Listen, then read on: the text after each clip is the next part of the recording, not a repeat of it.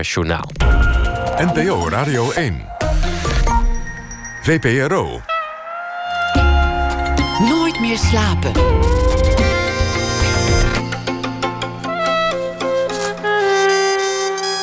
Met Liesbeth Staats. Goedenacht en welkom bij Nooit meer slapen. De Prix des Ambassadeurs, de journalist voor de Vredeprijs, de Bob den Uylprijs en de Orde van Oost-Timor, om er maar een paar te noemen. Mijn gast dit uur is een gelauwerd journalist. Haar internationale leven begon als stewardess bij KLM, maar intussen doet Minka Nijhuis al meer dan 30 jaar verslag van oorlogen, conflicten en crisissituaties. Voor onder andere Trouw, Vrij Nederland, NRC en NPO Radio 1. Liefst mijt ze de plekken waar een bom net gevallen is en skipt ze obligate persconferenties. Liever gaat ze logeren bij de gewone mensen in het oorlogsgebied en blijft ze er weken tot ze echt van binnenuit hun verhaal kan vertellen. Na vijf non-fictieboeken is er nu haar eerste roman. Gekkenwerk. Over de persoonlijke ervaringen van een jonge vrouw in, jawel, de oorlogsverslaggeving. Met humor en ernst schrijft Minka Nijhuis over de afwegingen in het vak, de risico's, de ontberingen en het Old Boys Network van door de wol geverfde oorlogscorrespondenten. Welkom, Minka. Goedenavond. Goedenavond. Ik moet zeggen dat ik uh, verrast was toen ik van jouw hand een roman zag verschijnen.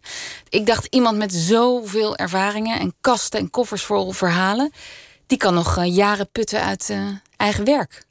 Waarom, ik, waarom wilde je fictie schrijven? Ik dacht, ik doe eens gek. Ik schrijf gekke werk. Ja, iedereen is inderdaad gewend bij mijn naam serieuze verslaggeving, non-fictieboeken. Ik dacht, na 30 jaar in het vak heb ik iets te vertellen, maar ik wil dat doen op een manier, op een toegankelijke manier. En uh, ik ben zo gewend in mijn andere werk om me te verschuilen achter de verhalen en zelf geen rol te spelen. Dus ik had dat personage nodig als een soort ja, vrijbrief om een boek te gaan schrijven waarin de verslaggever een grotere stem heeft. En bovendien gaf het feit dat ik ook personages kon verzinnen, gaf me meer vrijheid om te spelen. En natuurlijk zijn er waar gebeurde elementen in, maar tegen de lezer zeg ik: interpreteer het zoals je wilt. En, en bovendien wilde ik ook heel graag dat er humor en zelfspot en absurditeit in zouden zitten. En, en daar kon ik ook meer mee uh, in de persoon van Lotte die toch een wat ander iemand is dan ikzelf. Ik ben in mijn werk vrij doelgericht. Uh, ik, ik, ik vind dat ik ergens heen moet en dan doe ik dat. En, en Lotte is aanvankelijk een stewardess die droomt van oorlogsverslaggeving. Mhm. En die ook wel wat naïver is. En die, die ook, als ze eenmaal in die wereld belandt, veel meer verleid wordt door de. Ja, door, door, de, door de macho-sfeer en daar af en toe ook wel aan mee wil doen. En tegelijkertijd zich ook wel weer tot de orde roept. En dat is een wat ambivalenter personage dan ik zelf. En dat leek me een mooiere manier om de lezer mee te nemen in die wereld. Het is een, um, een briefroman. De, deze Lotte leren we kennen in 1993. Dan begint ze te schrijven aan haar oudere neef. Die verder niet heel een grote stem krijgt, want hij schrijft niet terug. Maar tussen 1993 en 2016 schrijft ze brieven aan hem over haar ervaringen in het veld. En met die brieven groeien wij mee met haar in het vak. Um, ja, je zei ja, ik, ik had haar nodig om ook de absurditeit van dat leven in al die crisisgebieden en situaties te beschrijven en de humor. Ik dacht juist, ja, um, heb je overwogen om het je eigen dagboek eens uit te werken? Om, om jezelf om wel die ik-persoon uh, te gebruiken, maar de Minka aan te spreken? Ik vind nog te vroeg voor mijn memoires. Die, die komen misschien nog wel een keer.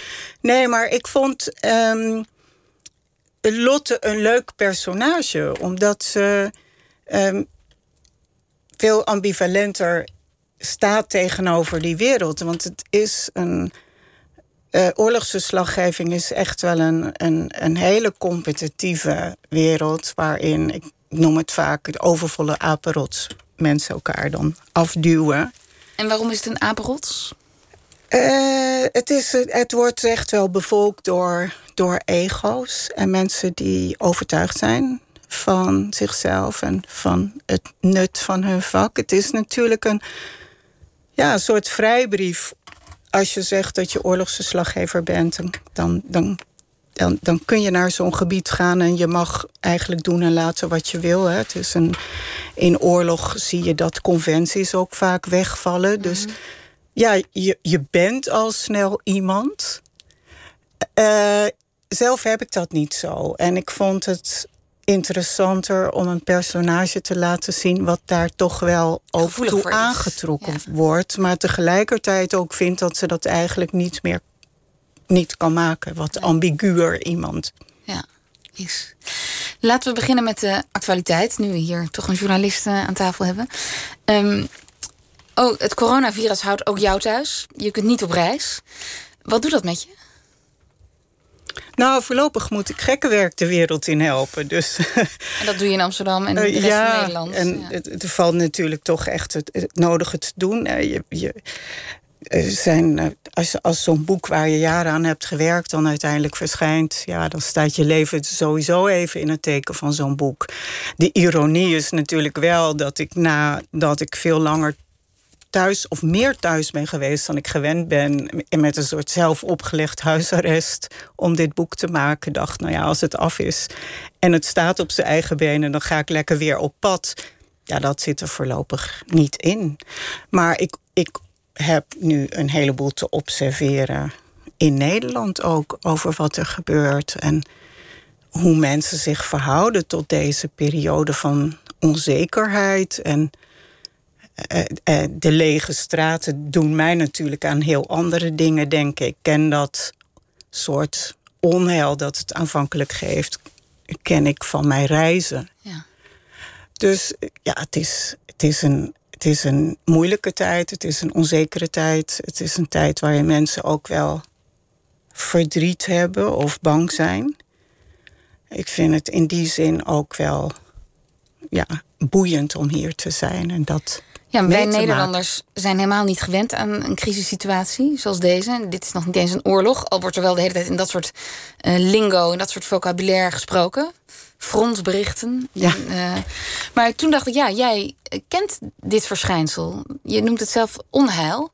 Maar treden er dan ook bij jou meteen mechanismen in werking? Nou, ik merk wel dat ik heel makkelijk alert kan zijn, bijvoorbeeld op die anderhalve meter. Ik zie om me heen toch mensen nog wel regelmatig dat denken: oh jeetje, was zat ik even fout mee.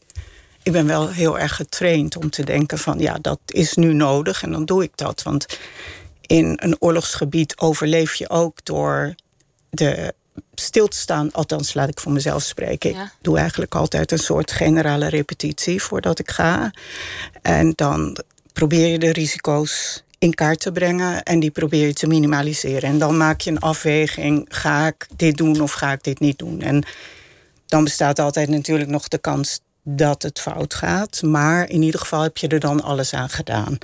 En dat is een stukje training, waardoor je heel. Ik ben de alertheid die ik heb onderweg, ik merk dat ik die nu meer thuis heb. En dat ben ik helemaal niet gewend. Ik loop meestal vrij nou, bijna dromerig over straat. Want dan zit in mijn hoofd een verhaal waar ik mee bezig ben. Of ik ben in gedachten in verre oorden. En dan krijg ik wel eens van mensen die me kennen van... nou jeetje, je hoorde me ook niet. En ik uh, liep vlak langs je. Maar ik merk dat ik nu... Ja, ik ben gewoon alerter. Ik ben aan het observeren. En ik, uh, ik denk ook na over wat gaat dit ons brengen. En ik zie ook wel dat het voor heel veel mensen moeilijk is om zich te verhouden tot die onzekerheid. En dat je ook niet weet hoe lang het precies gaat duren. Dat, zijn ben ik... parallellen met oorlogssituaties natuurlijk. Ja, ik ben natuurlijk wel vertrouwd met een wereld waarin de mensen die ik ontmoet heel vaak met dit soort onzekerheden te maken hebben en zich onveilig voelen of het idee hebben dat leiders niet genoeg doen of ze juist uh, te veel uh, druk en dwang uitoefenen. Ik ken mensen die jaren in eenzame opsluiting hebben gezeten. Dat is ook een van de personages die in het boek voorkomt. Die Lotte leert kennen. Een, een jonge Burmeese activist die op een gegeven moment wordt gearresteerd... en die ze pas jaren later weer terugziet. Dan is zijn haar spierwit geworden. En die heeft overlevingsstrategieën bij die eenzame opsluiting... door bijvoorbeeld een, een hagedisje als, als een soort huisdiertje te nemen in die cel... En dat beestje af te richten. En dat blijft ook bij hem als hij wordt vrijgelaten. Dus ja, ik ken het... Uh, een soort uh, soberheid die ook gepaard gaat en met dit leven. En dat je niet uh, alleen maar op je eigen voorwaarden kunt bestaan. Dat zijn wij natuurlijk zo gewend. Wij moeten ons nu verhouden tot een hele andere werkelijkheid. We, we, zijn zelfs misschien wel gaan denken dat, dat we de dood uh, kunnen beheersen. Of, we zijn Nederland, we hebben dat water al bedwongen. Dat, die strijd hebben we ook geleverd. We zijn voor alles zo'n beetje verzekerd. En nu is het een ongewisse tijd. Ik snap ook wel dat dat voor heel veel mensen moeilijk is. En moeilijk, moeilijk is. Ja. Um, over de roman. Um, in Lotte herkennen we ook heel veel Minka. Um, ik ken je niet persoonlijk, maar in ieder geval jullie cv's komen een beetje overeen. Zowel Lotte is stewardess en jij bent dat ook geweest. Ja. ik las dat toen jij stewardess was, net na je afstuderen, of misschien studeerde je nog, je had een, een vriend, je had vrienden in Amsterdam. Dat lijkt op papier een heel comfortabel leven. Toch dacht je, ik moet daarmee breken. Dit is niet het leven wat ik echt wil leiden. Nee, nou, ik was ook wel stewardess om mijn studie te kunnen betalen. Dat wilde ik graag. Um, en om te kunnen reizen. En dat was voor een tijdje een prima baan. Ik, ik had alleen onderschat dat als je eenmaal in de ban raakt van dat reizen... en je moet ook nog een studie afmaken... ja, dan loopt het nogal uit de hand. Het is studieduur. Dus uh, ik heb flink geprofiteerd van het feit dat ik... Uh, als stewardess in functie kon reizen... maar ook vervolgens natuurlijk goedkope tickets kon kopen. En in een week uh, rustig naar de Himalaya vloog, zou je nu ook niet meer doen. Want het is gewoon echt niet oké voor het milieu. Maar toen lag dat allemaal nog anders. Toen was dat nog niet zo belangrijk. Nee, althans, dat, dat dacht je. Dus ja, ik, uh, ik, het was voor mij een manier om de wereld te ontdekken. Maar ik wist altijd wel in mijn achterhoofd dat dienstverlening nou niet mijn allergrootste talent was. Dus ik denk ook dat de maatschappij blij was. Oh ja, toen, ik mijn uh, stewardess, uh, baan opzette. Bij huis uh, afzwaaide. Ja. Maar, maar dan, dan nog, reis is één ding en internationale leven is, is heel aantrekkelijk. Maar dan de oorlogsjournalistiek in. Hoe ben je daar beland? Ja, ik had aanvankelijk een hele grote fascinatie voor de, voor de oorlogen, in, eh, voorbije oorlogen, voor een groot deel in Cambodja en Vietnam. En daar ben ik eh, toen gaan kijken, ook omdat ik tijdens mijn studie daarover geschreven had, hè, met name over de tijd van de Rode Khmer in Cambodja. Uh, toen was ik daar en toen had ik toch het idee dat ik een stukje geschiedenis gemist had. En toen leerde ik een um, malaria-deskundige kennen die veel in Burma werkte. En die zei: Nou ja, als je nou echt een oorlog wil waar niemand over schrijft, dan moet je naar Burma. Want daar is al decennia een, een burgeroorlog aan de gang. En er is bijna geen journalist te bekennen. Dus toen dacht ik: Nou, dan heb ik een oorlog die ik zelf moet veroveren. Daar ga ik op af. Ja. Een oorlog die ik zelf moet veroveren? Ja, die tweedehands oorlog. Die je, niet uh, je eigen kunt maken door veel te lezen. En uh, waar je gewoon op pad gaat en denkt: ja, ik, hier is heel weinig over bekend. Ik pak mijn rugzakje. En ik ga kijken wat er gebeurt. En in hoeverre had je een idee wat dat vak behelst? Ik had wel veel over het vak gelezen. En, en bij Lotte zie je dat ook. Hè. Die had rolmodellen als Martha Gellhorn, de La Grande Dame de, van de oorlogsjournalistiek. Hè. De eerste vrouwen. Uh, ex van Hemingway, maar zelf ook een, een, een formidabele schrijfster. Heel onvervaard, die zich bijvoorbeeld in een, uh, in een hospitaalschip liet inschepen ten tijde van de invasie in Normandië. Die ook al heel jong in de burgeroorlog in Spanje uh, verslag deed. Ik had uh, als rolmodel uh, Claire Hollingworth. En die zie je ook bij Lotte inderdaad terug. Dat was een vrouw die als eerste de invasie in Polen in de smiezen had. Dus eigenlijk het begin van de Tweede Wereldoorlog. En die tot op nou, ver in haar tachtigste nog bij de protesten van het uh, op het Tiananmenplein in China toen het leger ingreep, klom ze in een lantaarnpaal om het beter te kunnen zien. En ja, dat, dat, dat vindt Lotte dus ook wel. Als iemand op een gegeven moment als ze al wat meer een routinier in het vak is tegen haar zegt van nou, je wordt inmiddels ook een dagje ouder, zou je er niet eens een keer mee ophouden? Dan, ja, dan denkt zij toch aan Claire Hollingworth en die lantaarnpaal. En uh, schrijft aan neef Alexander dat ze echt nog wel een tijdje mee kan. Ja. En toen jouw kennismaking met dat vak, was dat een soort ja, je voelde je daar thuis. Want je, hebt, je bent doorgegaan. Je hebt Afghanistan, Irak, Oost-Timor, uh, nou, Burma, je zei het al. Er, er was iets wat jou meteen moest hebben aangesproken. Wat was dat? Nou, wat, wat me heel erg raakte in de oorlog in Burma, of inmiddels wordt het vaak Myanmar genoemd natuurlijk, was dat ik daar in die jungle uh, jonge mensen ontmoette die op de barricades hadden gestaan voor meer vrijheid en democratie. En dat waren in die tijd toch een beetje mijn leeftijdsgenoten. En ik was, Hoe oud was jij? Ik was uh, op dat moment uh, eind twintig. En zij hadden uh, ja, gewoon hun leven op het spel gezet voor idealen. En daarvan kan je natuurlijk best bedenken dat dat wel een beetje naïef was om te Mhm. denken dat je zo'n militaire dictatuur uh, van de een op de andere dag wegkrijgt. Want dat, sommigen dachten echt dat de vrijheid nabij was, terwijl in werkelijkheid het leger enorm ging ingrijpen.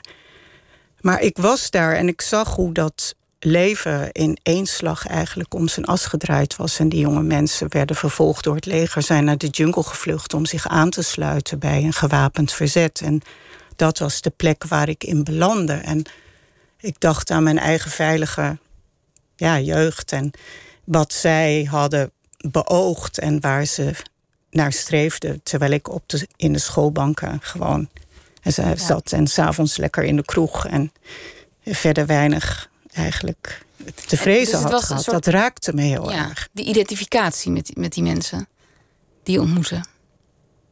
Het, ja, ik dacht wel. Dit zijn wel de verhalen die ik wil vertellen. Van wat, wat beweegt mensen en, en wat zijn de consequenties en wat, wat doet zo'n oorlog dan vervolgens met hen? En omdat ze ongeveer mijn leeftijd hadden, was het ook heel natuurlijk om ze te blijven volgen en een soort van met ze mee te groeien. En ook te zien hoe sommigen de ideale trouw blijven, maar anderen houden het niet vol en gaan in ballingschap of krijgen kinderen en vinden dan toch het ouderschap belangrijker dan de politiek. Anderen omgekeerd, die zeggen ik trouw niet voordat er democratie in Burma is. En, nee. um, dus dat is ook wel iets wat ik mijn eigen heb gemaakt. Dat ik probeer mensen gewoon zo lang mogelijk te volgen. En dit was een heel natuurlijk begin voor mij. En ik merkte ook wel dat ik nou, niet zo snel bang ben. En, en, en ook, en je kunt bang zijn, maar je hoeft nog niet je door die angst te laten leiden. Kijk, je moet ook niet helemaal zonder angst zijn in oorlog. Want dan ben je levensgevaarlijk bij mensen. Dan ben je die, roekeloos. Ja, dat neigt naar het roekeloze. Dus dat leer je ook wel. Bij die mensen moet je uit de buurt blijven. Die zijn gevaarlijk. Die zijn er ook in de, in de journalistiek. Ja, dat, dat, is, dat, dat neigt naar waaghalzerij. En, uh, je moet leren om die angst serieus te nemen. En te denken, nou, moet ik hier gehoor aan geven? Of moet ik eigenlijk het hoofd koel houden? En die angst overwinnen en dan toch op stap gaan. Dat zijn allemaal dingen die je gaandeweg Je hebt in een interview gemaakt. ook verteld dat je ehm, eigenlijk de- uit het goede hout gesneden bent. Want je kunt goed alleen zijn. Ehm, en je bent fit. Je zei ja, ik was vaak eh, sneller door de jungle bijvoorbeeld dan, dan de soldaten.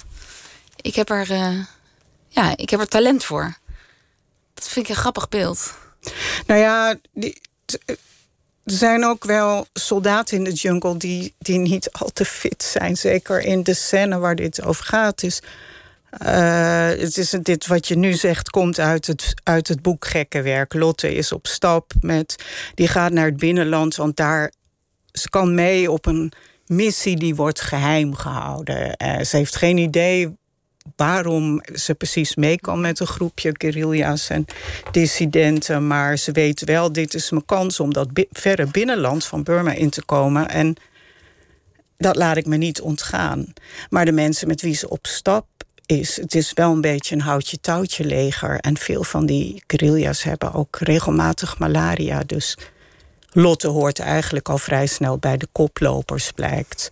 Maar het is wel waar dat het helpt als je gewoon fit bent. Ja, ik ben ook wel vrij sportief ingesteld. Dus dat, dat ehm, Lotte heeft moeten oefenen. Die, die was niet zo. Die is naar de sportschool gegaan. Omdat voordat ze deze trips ging maken, had een man nog tegen haar geroepen toen ze de brug bij de reguliersgracht niet opkwam eh, op de fiets. Die riep pap in de benen. Ehm, dus die is wel echt gaan trainen. Maar ik, zelf ben ik van nature vrij sportief. Dus eh, dat eh, hoe had dat jij regelt nodig? zich vanzelf, die fitheid. Ja, ja. nodig. Ehm, over, over de oorlogsjournalistiek waarschuw jij altijd voor een wat je noemt de valse heroïek.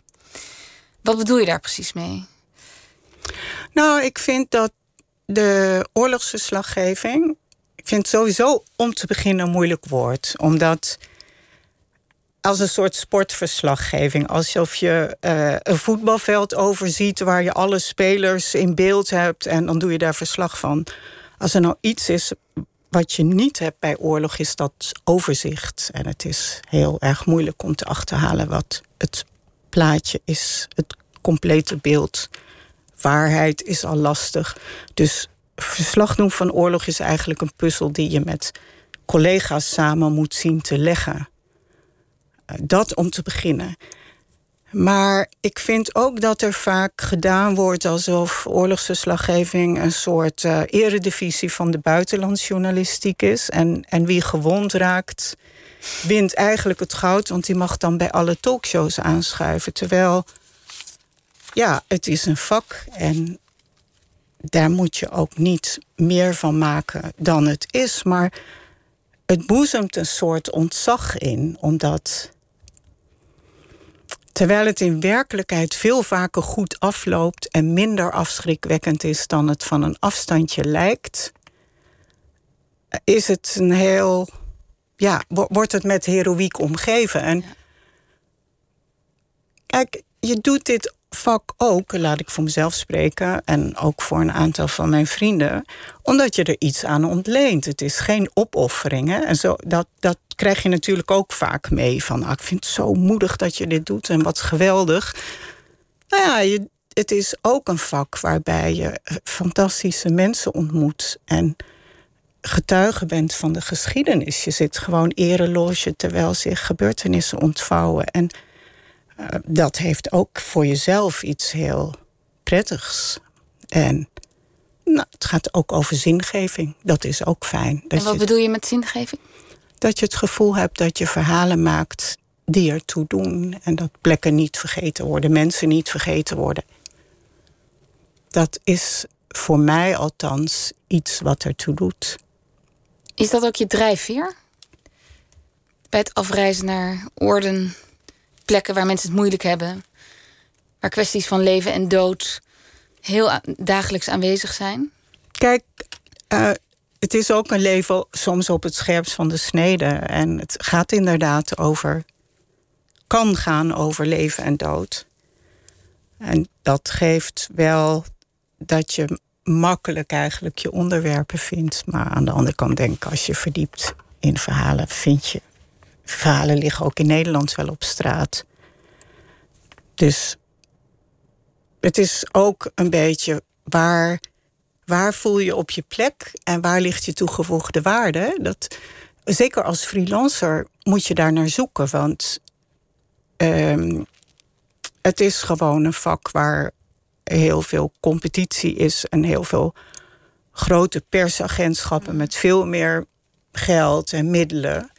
Dus je moet goed nadenken over waar heb ik nou iets te vertellen wat een meerwaarde heeft. En kun je die vraag beantwoorden voor jezelf? Ja, ik denk dat ik goed ben in me in die moeilijke gebieden, soort van in de haarvaten van een samenleving te begeven.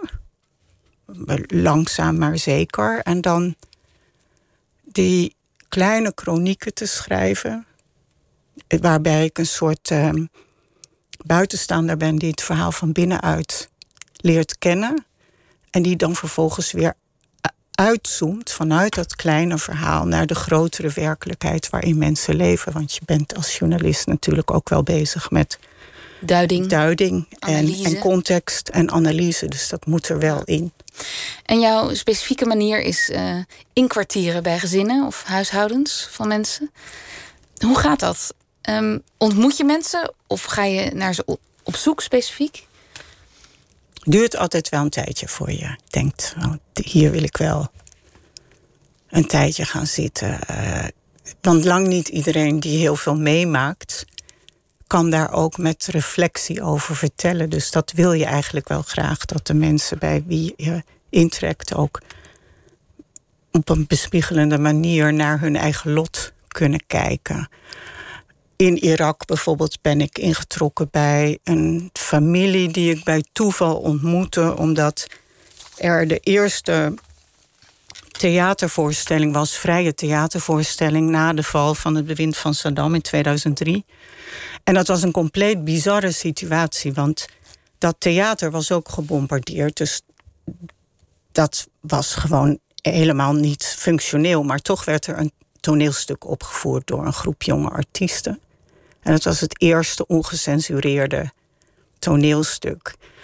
Um, en het publiek klauterde echt over de brokstukken naar binnen en in de stad werd nog geschoten. En terwijl de voorstelling gaande was in een donker theater, want er was geen elektriciteit, hoorde je aan de achterzijde van het theater, hoorde je gewoon de plunderaars uh, tekeer gaan. En het gerucht ging ook dat boven nog een lijk lag. En toch was er die behoefte van mensen in Bagdad om naar zo'n theaterstuk te gaan. En toen leerde ik na afloop een echtpaar kennen, wat zo kon, goed kon vertellen wat dat theaterstuk voor hun had betekend. Dat ik dacht, nou, dit lijken me mensen bij wie ik eens even wat langer moet, zwaankleef aan moet gaan zijn. En, en, waarom volgen ze nog steeds. Ja. En waarom zeggen mensen ja als jij vraagt: mag ik komen logeren? Ja, dat vroeg ik ook aan ze, want eh, ze zeiden meteen ja, inderdaad. Uh, en ik had wel zoiets van, denk er even goed over na. Want ik vraag echt heel veel. Ik ben er de hele tijd, ik schrijf alles op. Het is niet zomaar iets om mij in huis te hebben. Maar ze vonden het belangrijk. Zij hadden heel goed in de gaten dat wat er aan het gebeuren was na de val van Saddam, dat dat het begin was van een ongewisse periode. Terwijl de buitenwereld dacht mission accomplished, ja. zeiden zij tegen mij: het begint nog maar net. En ze wilden toch graag dat dat vastgelegd werd. En bovendien hadden ze ook een dichter in de familie, dus ze waren wel vertrouwd met het feit dat iemand zich terugtrekt om te schrijven of iemand van alles vraagt. En publiceert. Dat scheelde wel. Ja, ja, ja, ja. En ik volg ze nog steeds. Hè. Zijn. Uh, ja, het is 2020 en dit verhaal is in 2003 begonnen. Ik heb nog heel regelmatig contact met de dochter van de familie die inmiddels in Amerika beland is. Dus ze heeft uiteindelijk moeten vluchten en ja, zit daar nu in het Amerika met de corona en had daar ook een heel mooi verhaal over. Want ze zei: Ik sta in een team van jonge mensen. Ze werkt met vluchtelingen. Dat is haar taak om mensen die nieuw zijn in de Verenigde Staten, om die te begeleiden met haar team. Maar ze vertelde ook dat jonge mensen in haar team dit allemaal zo zwaar en moeilijk vinden. Maar ze zei tegen mij: Weet je nog hoe wij erbij zaten in, in, in Bagdad? Dat de, rondom de bommen ontploften. En we konden niet eens communiceren met elkaar. En het was 50 graden en we hadden geen water en geen elektriciteit. Dus zij kijkt daar toch gewoon anders, anders naar. Ja. Dus dan kon die corona die kon er ook nog wel bij, zeg maar. En, uh... Ja, ze willen het niet bagatelliseren. En zeker in de Verenigde Staten niet natuurlijk. Maar ze merkt wel dat die ontberingen ze raakt daar niet van in paniek. Nee. Ze, ze, ze, kent haar eigen kracht heel goed en weet ook dat ze sterk is. En, en dat geldt ook voor jou, denk ik waar we het aan het begin over hadden. Dat zo'n coronacrisis bij jou appelleert aan allemaal andere situaties. En dat je ook meteen alert bent en makkelijk je aanpast aan de nieuwe situatie van anderhalve meter afstand bijvoorbeeld. Nou, ik denk natuurlijk heel veel aan mensen die dit zoveel harder voor de kiezen gaan krijgen. En dan heb ik het vooral over mensen buiten Nederland. Terwijl ik absoluut niet ehm, wil bagatelliseren dat er in Nederland hele nare situaties zijn. Nu hele mm. pijnlijke situaties met heel veel verdriet voor dierbaren. Maar ik denk ook aan de vluchtelingen in Griekenland en uh, Syrië, allerlei andere orde die ik ken. Arme landen waar mensen niet zomaar thuis kunnen blijven, want het zijn dagloners die gaan dan verhongeren. Dus ik vind ook wel dat het appel wat gedaan wordt aan, de, aan onze saamhorigheid, dat dat wel een saamhorigheid is die wat mij betreft wel wat verder over de grenzen mag reiken. En die als we niet oppassen ook makkelijk kan ontaarden in een soort Nederlandse zelfgenoegzaamheid. Waarvan, uh, nou, waarvan acte. Waarvan, ja, dat wilde ik juist niet zeggen, maar goed. Um, we gaan waken voor valse heroïek, maar ik wil het ook over toch gevaar hebben. Want dat is een element in het werk dat er nou eenmaal is. Laten we eerst naar muziek gaan luisteren. Dan uh, praten we straks verder over gevaar. We gaan luisteren naar Van Wijk op jouw verzoek. Carolina's, sorry, Carolina's Anatomy. En um, waarom heb je dit nummer gekozen? Uh, uh, haar naam is Christine Oele, de zangeres. Nederlandse zangeres. Die, wat ik wel toepasselijk vind, op een gegeven moment dacht, ja, als ik nu echt iets wil betekenen met mijn muziek, dan moet ik andere baantjes opzij zetten. En dan ga ik dit doen. Want als er een plan B voortdurend rondwaart, dan wordt het nooit wat met mijn plan A. Dat is nou, wat ik wil. Muziek past wel bij Lotte in gekke werk, die op een gegeven moment ook haar uniform in de gracht gooit en denkt: en nu ga ik gewoon fulltime de journalistiek in. Van Wijk.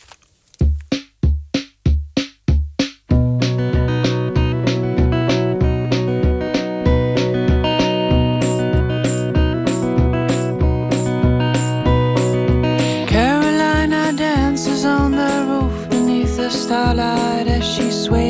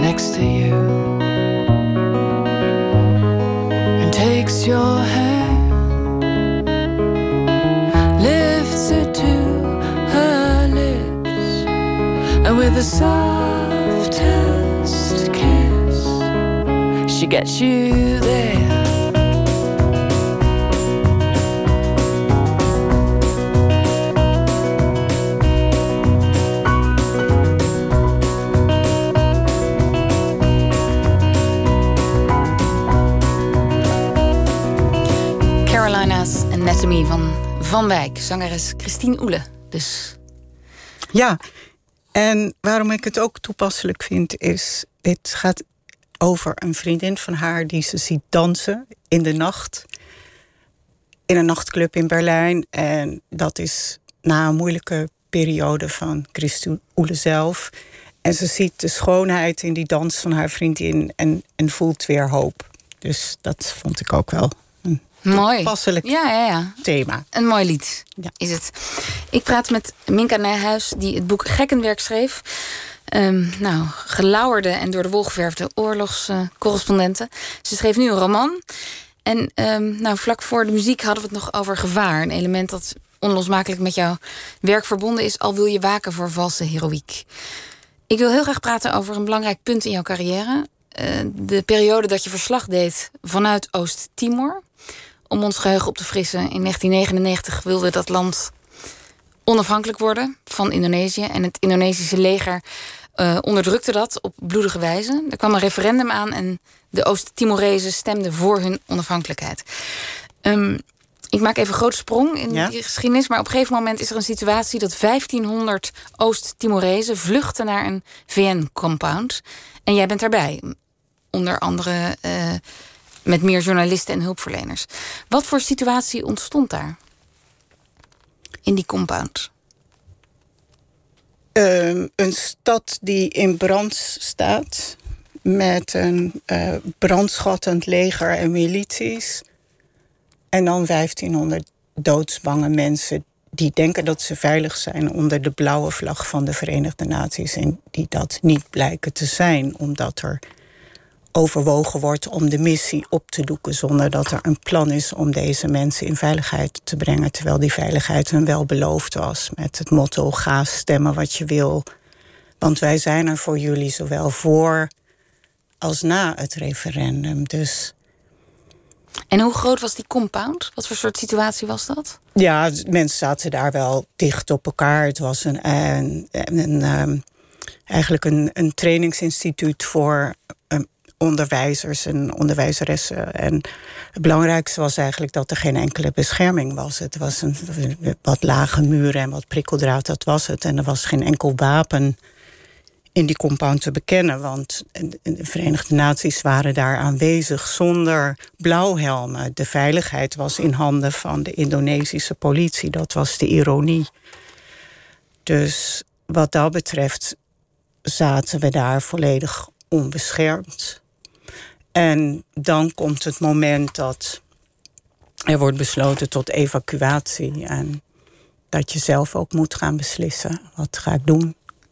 Journalisten, hulpverleners, die werden geëvacueerd.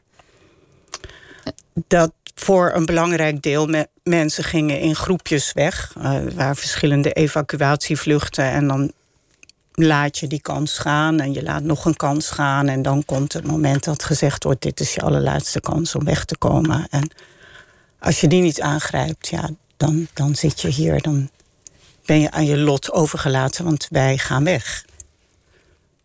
Mm, toen hebben we met een klein groepje besloten om toch te blijven. En dan ben je eigenlijk eh, eh, een soort onderdeel van het verhaal geworden. Want die 1500 Timorezen voor wie geen evacuatieplan was, die zijn afhankelijk van of dat verhaal nog verteld wordt of niet. Want zolang er nog berichten komen over die situatie, hebben ze nog een zekere bescherming. Zolang er nog witneuzen bij hun zijn, eh, biedt dat ietsje meer veiligheid. Maar En, één stapje ja, terug. eh, ja. Er werd een groot beroep op jou gedaan vanuit Nederland om toch terug te komen. Trouw, voor wie je freelance verhalen aanleverde, zei: Kom terug, want dit is te gevaarlijk. Sander Toenes, een Nederlandse Een man is in dat eh, conflict omgekomen. Dat was later, ja. Ja, maar dat was de- genoeg toen het eigenlijk al stukken veiliger was. Ja, is hij gesneuveld. ja, ja. ja. Maar om aan te geven hoe eh, serieus het geweld en de dreiging was. Ehm, weet je nog wat je dacht toen Trouw belde? En zei, Ik dacht wel van jeetje. Ja. Ze hebben slapeloze nachten over mij. Dat is toch wel heel vervelend. Maar ik had wel al bedacht dat ik niet weg zou gaan. En ik was in goed gezelschap van nog een paar anderen die ook niet weg wilden. Dus het was namelijk ook een scenario wat al maanden in de maak was. Het, het was niet geweld dat uit de lucht kwam vallen.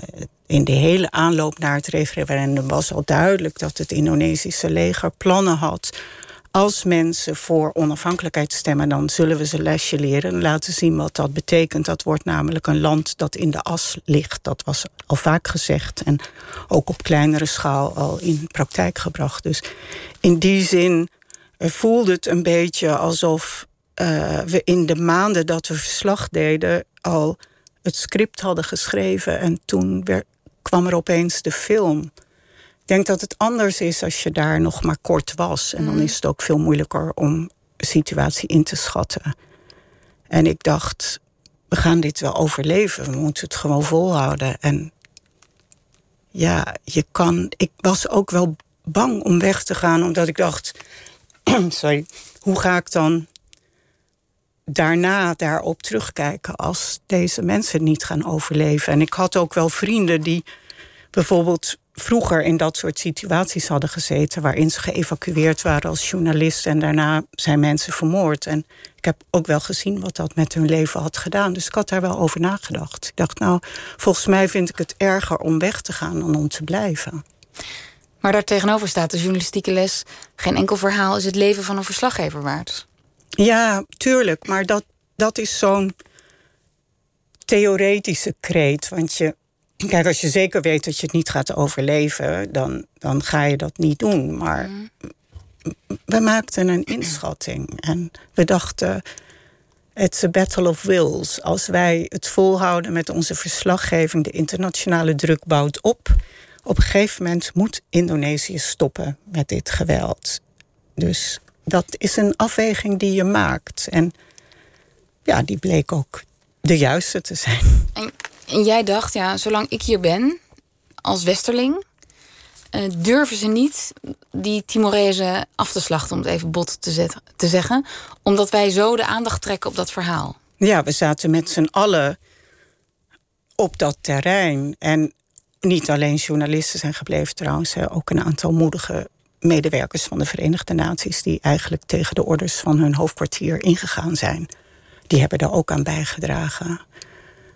Dus ja, dat maakte gewoon verschil dat we daar konden blijven. En het is ook, denk ik, makkelijker als je ter plekke bent om die inschatting te maken. Want dingen zien er op een afstand soms erger uit dan, dan van dichtbij. Dus ik snap ook wel heel goed dat een redactie daar echt van wakker lag. Dat zou ik zelf ook gedaan hebben als ik in hun schoenen stond. Want ja, je hebt ook verantwoordelijkheid. En ehm, je ziet voortdurend, natuurlijk als ze me dan belden... Nou, dan werd er soms zo hard geschoten dat we elkaar niet eens konden verstaan. Maar ja, ik dacht, dat is toch grotendeels in de lucht. Dus dat voelt anders. En ik dacht ook wel, als ze ons massaal willen vermoorden... dan had ze dat al lang kunnen doen. Dus het is, er is heel veel intimidatie om ons weg te krijgen. Er wordt misschien één iemand overhoop geschoten. Maar Oh ja, dat, dat overwoog je ook in je afwegingen. ja, op een gegeven moment landde er ook wel een kogel in de compound. En dus dat had kunnen gebeuren. En er was ook al wel... Collega's waren aangevallen ook al, maar niet vermoord nog. Dus het was ook een soort psychologische oorlogsvoering tegen ons... om ons weg te krijgen, waarvan ik dacht... Ja, ik vind die risico's toch nog steeds wel acceptabel. Het, Ja, ik eh, zie jou zo kijken van, nee, nee. nou, daar kan je niet iets bij voorstellen. Of, Nou, wel bij. Ik kan me heel goed voorstellen dat iets ter plekke heel anders is dan vanaf een redactie in Nederland. Dat is helemaal waar. En, maar ik, ik, eh, ik blijf een beetje hangen op jouw afweging dat je dacht, nou ja, de kans is wel dat er misschien één van ons sneuvelt. En dan ga je eigenlijk voorbij journalistieke afwegingen. Dan, dan voel je dat je met je lot verbonden bent met die Timorezen, met wie je in die compound bent. Nee, je voelt ook je verantwoordelijkheid om daar te zijn als getuige. Ja. Ik vind het een hele interessante. En het mooie is dat uh, Trouw in een hoofdredactioneel commentaar later heeft geschreven. Ja, wij snapten Minka eerst helemaal niet. Wij dachten, we moeten haar daar weghalen. Of we zeggen, je bent niet meer welkom met je stukken bij de krant. Want we vinden het onverantwoord wat je daar doet. Ja. Maar daar zijn ze op teruggekomen, ze begrepen je.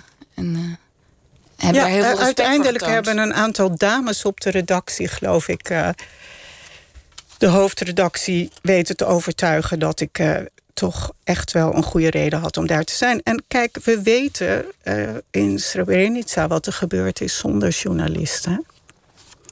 Dus daar moest ik ook wel aan denken. Het zegt iets over jouw enorme betrokkenheid bij de verhalen die je maakt. En, um, en ook het voorbeeld wat je net gaf uit Bagdad, het echtpaar bij wie je uh, ingetrokken bent. Dan is de journalistieke standaardvraag altijd: hoe bewaak je dan de distantie om ook nog kritisch over hen te kunnen schrijven of hen te bevragen als, je als, nou ja, als er ook vriendschappen ontstaan? Hoe ga je daarmee om voor jezelf? ja, je maakt ook altijd op een gegeven moment weer een stap terug dat je verplaatst in de Nederlandse context en denkt: ik moet dit verhaal toch begrijpelijk houden voor een Nederlands publiek voor wie ik schrijf. Dus je, stapt eigenlijk in en uit die werkelijkheid met regelmaat. Je staat in, probeert je te verplaatsen in de mensen over wie je schrijft, maar je stapt ook weer terug naar je publiek.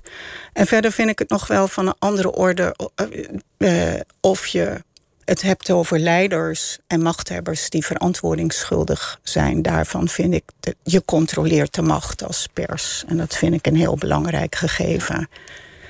Als het gaat over burgers, dan vind ik dat je daar toch wat anders in kan staan. Dan. En ik vind dat verhaal van betrokkenheid. Ja, wat is betrokkenheid? Het wordt snel verward met partijdigheid. En ik vind uh, dat je betrokkenheid hebt bij. Dat betekent voor mij ook dat je geeft om je verhalen. En dat het je wat kan schelen wat mensen overkomt. En als ik dat niet meer zou voelen, ja, dan, ga dan zou ik een ander vak nemen. Precies, dat is, uh, dat is heel duidelijk. Um, ik, ik heb gelezen dat jij al heel jong grote vragen stelde. Uh, namelijk, waarom doet de een het ene en de ander iets anders in de geschiedenis?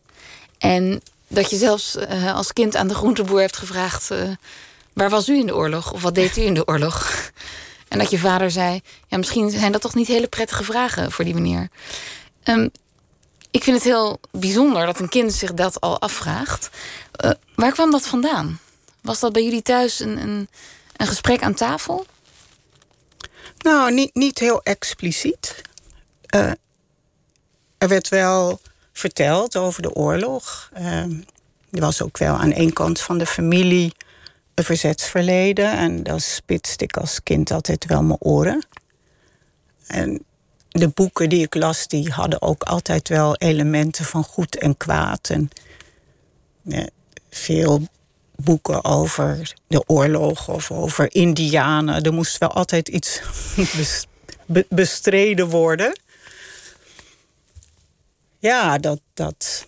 En waar dat dan precies vandaan komt, dat is misschien ook wel een beetje de aard van het beestje. En ik hield ook wel van spannende verhalen. Want je kijkt daar natuurlijk toch naar op een kinderlijke manier. Want je, het, wordt, het, het zijn ook soort van anekdotes waarbij je helemaal niet overziet hoe ernstig dat nou eigenlijk is. Maar toch was er wel iets waarvan ik al jong dacht: ja, wie, hoe kan het nou dat mensen dat allemaal gedaan hebben? Uh, jegens, of allemaal gedaan hebben, dat, dat dit mensen is aangedaan. Dat de mhm. ene mens dit de andere aandoet. Dat gevoel kan ik me wel van vrij jong, een jaar of negen, tien, wel herinneren. Ja, daar was ik wel mee bezig. En zijn die vragen ook nog steeds de vragen waarmee jij op pad gaat?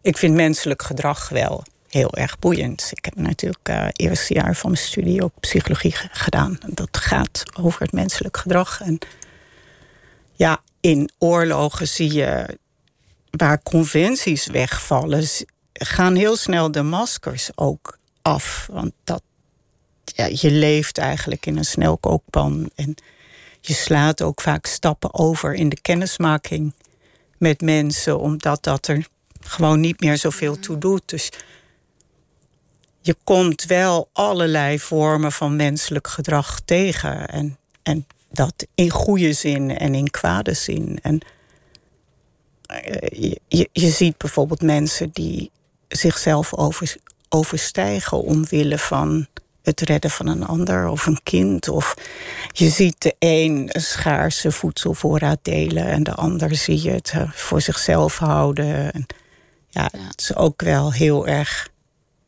boeiend om dat gade te slaan en daar verslag van te doen. Het gaat mij toch wel vaak om wie zijn die mensen dan en het menselijk gedrag. En als je terugkomt uit al die gebieden en van die lange reizen, soms ben je maanden weg, um, hoe debrief je jezelf? Je woont alleen, um, dan, dan kom je weer in het aangeharkte Nederland. Hoe ga je om met die overgang? Want het is heel makkelijk om dan het dagelijks leven hier heel irrelevant te vinden. Ja, maar dat is me ook weer te makkelijk. Want er gebeuren hier ook dingen die belangrijk zijn voor mensen. Ik had wel eens toen ik dit werk net ging doen, was ik op een feestje een soort guest from hell. Want dan vond ik het nodig om even iedereen uit te leggen wat er aan de hand was waar ik net geweest was. Maar dat, dat heb ik ook wel eh, geleerd. Dat dat, ja, dat, dat dat gewoon niet je rol is. En dat je dat ook moet loslaten. Dat leer je wel. Maar je hebt gewoon een hele trouwe vriendenkring van mensen die dit werk ook doen. En vaak is er een tussenstop voordat je naar huis komt, ergens in de buurt waar de collega's zitten die hetzelfde werk doen, die de situatie kennen. En ook in Nederland heb ik hele fijne vrienden die voor een deel ook dit werk doen. En we halen elkaar op van Schiphol. En dan wordt er vaak op Schiphol al in een uh, cafeetje even gedebriefd en bijgekletst. En verteld en bevraagd, et cetera. Dus dat, ja, natuurlijk. En, en ook, ook de ontheemding die er toch altijd wel een beetje is, die kan ook heel vertrouwd aanvoelen. Omdat je denkt, ja, dit ken ik wel, dit hoort er gewoon bij. En ik heb ook geaccepteerd dat ik een fijn leven heb in Nederland, maar dat er ook altijd in een deel van mijn hoofd die andere wereld is. Waar de mensen die ik heb achtergelaten heel wat minder fortuinlijk zijn. En of misschien inmiddels niet meer leven. En dat is een werkelijkheid waar ik mee leef, maar waar ik ook heel duidelijk voor heb gekozen. En die vragen die jij je als kind stelde: van waarom doet de een dit in de loop van de tijd en de geschiedenis en de ander dat? Krijg je daar antwoord op? Nou, je, sommige mensen zijn het ene moment een held en het andere moment weer niet. Hè? De mensen hebben, hele, hebben vele facetten. Dat, uh, ik heb wel gemerkt, moed is iets wat je kan oefenen. En goede voorbeelden zijn daarbij heel erg belangrijk. Ik heb het geluk gehad dat ik, toen ik maar net begon als journalist, dat ik een aantal hele fijne collega's had die uh, heel veel hadden meegemaakt. En mm. die het beste uit zichzelf wisten te halen. En met hen kon ik optrekken. En dat heeft me ook geleerd dat je het gezelschap wat je zoekt in oorlog is heel belangrijk. Je hebt allerlei figuren. Je hebt de, je, je, hebt de stoere types. Je hebt de mensen die met een zekere wellust voortdurend de meest rampzalige scenario's schetsen. Daar moet je ook uit de buurt blijven. Zoals Lotte maakt dat ook mee in het boek. Dat er uh, in, in de, aan de vooravond van de oorlog in Irak wordt er gedacht dat in Noord-Irak, in het Koerdisch gedeelte, misschien een gifgasaanval komt. En er is een sterverslaggever en die loopt met de gasmasker op zijn dij. En die vindt niks fijner dan elke avond bij iedereen die geen gasmasker op zijn dij heeft te voorspellen dat het die avond gaat gebeuren. Nou, Lotte heeft ook wel meteen door bij deze figuur. Uh, moet ik, moet ik wegblijven. Ja. ja. En dan moet ik wegblijven. Ja. Ja. ja. ja. Um, ja, we hebben nog maar een paar minuten. Maar een mooi voorbeeld van uh, wat je net schetst, dat mensen die de ene moment een held zijn, de andere keer verguisd worden. Dat is uh, zeker het geval bij Aung San Suu Kyi, die jij persoonlijk kent. En bij wie je, eh, nou, je noemt het geen vriendschap, maar er was een zekere mate van respect en waardering over en weer. En Zeker. Nobelprijswinnares in 1991. En nu moest ze verschijnen bij het internationaal strafhof in Den Haag, omdat ze vervolgd wordt voor genocide op de minderheden in Myanmar. De Rohingya onder andere. Ehm, Zij wordt nog niet vervolgd, maar eh, moest het is een geschil tussen twee staten. Maar goed, het, het, het is een eh, Maar Gambia heeft haar volgens mij. eh, Myanmar. Het is, ja, ja, maar Gambia heeft haar eh, opgeroepen als getuige. Zij heeft het op zich genomen om Myanmar te verdedigen als minister van Buitenlandse Zaken in een juridisch geschil tussen twee staten. Maar ja, zeker. Ik bedoel, de, de vervolging van de Rohingya heeft alle kenmerken van genocide. Ja. En haar rol om een leider te zijn van alle mensen in het land en die te beschermen en voor ze op te komen, daarin faalt ze. Ja. Dat is zonder meer Waar. een feit. Dus je hebt in jouw carrière heb je haar zien groeien en vallen. Nou, het is, een heel interessant onderwerp. En ze verdient veel meer aandacht, dit onderwerp ook, maar we moeten afsluiten. Want ons uur zit erop. Dankjewel Minka Nijhuis voor dit gesprek over verslaggeving in crisis- en oorlogsgebieden. En je roman Gekkenwerk, verschenen bij Nijgen en Van Ditmar. Tot zover Nooit meer slapen deze week. Maandag gaat Pieter van der Wielen in gesprek met Mai Spijkers van uitgeverij Prometheus. Want daar verscheen deze week de biografie van de van seksueel misbruik beschuldigde filmmaker Woody Allen. Tot maandag, nu volgt Vink van de Afrotros en ik wens u nog een heel goede nacht.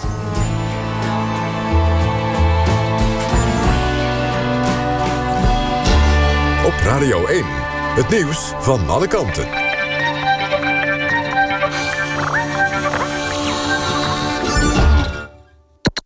NPO Radio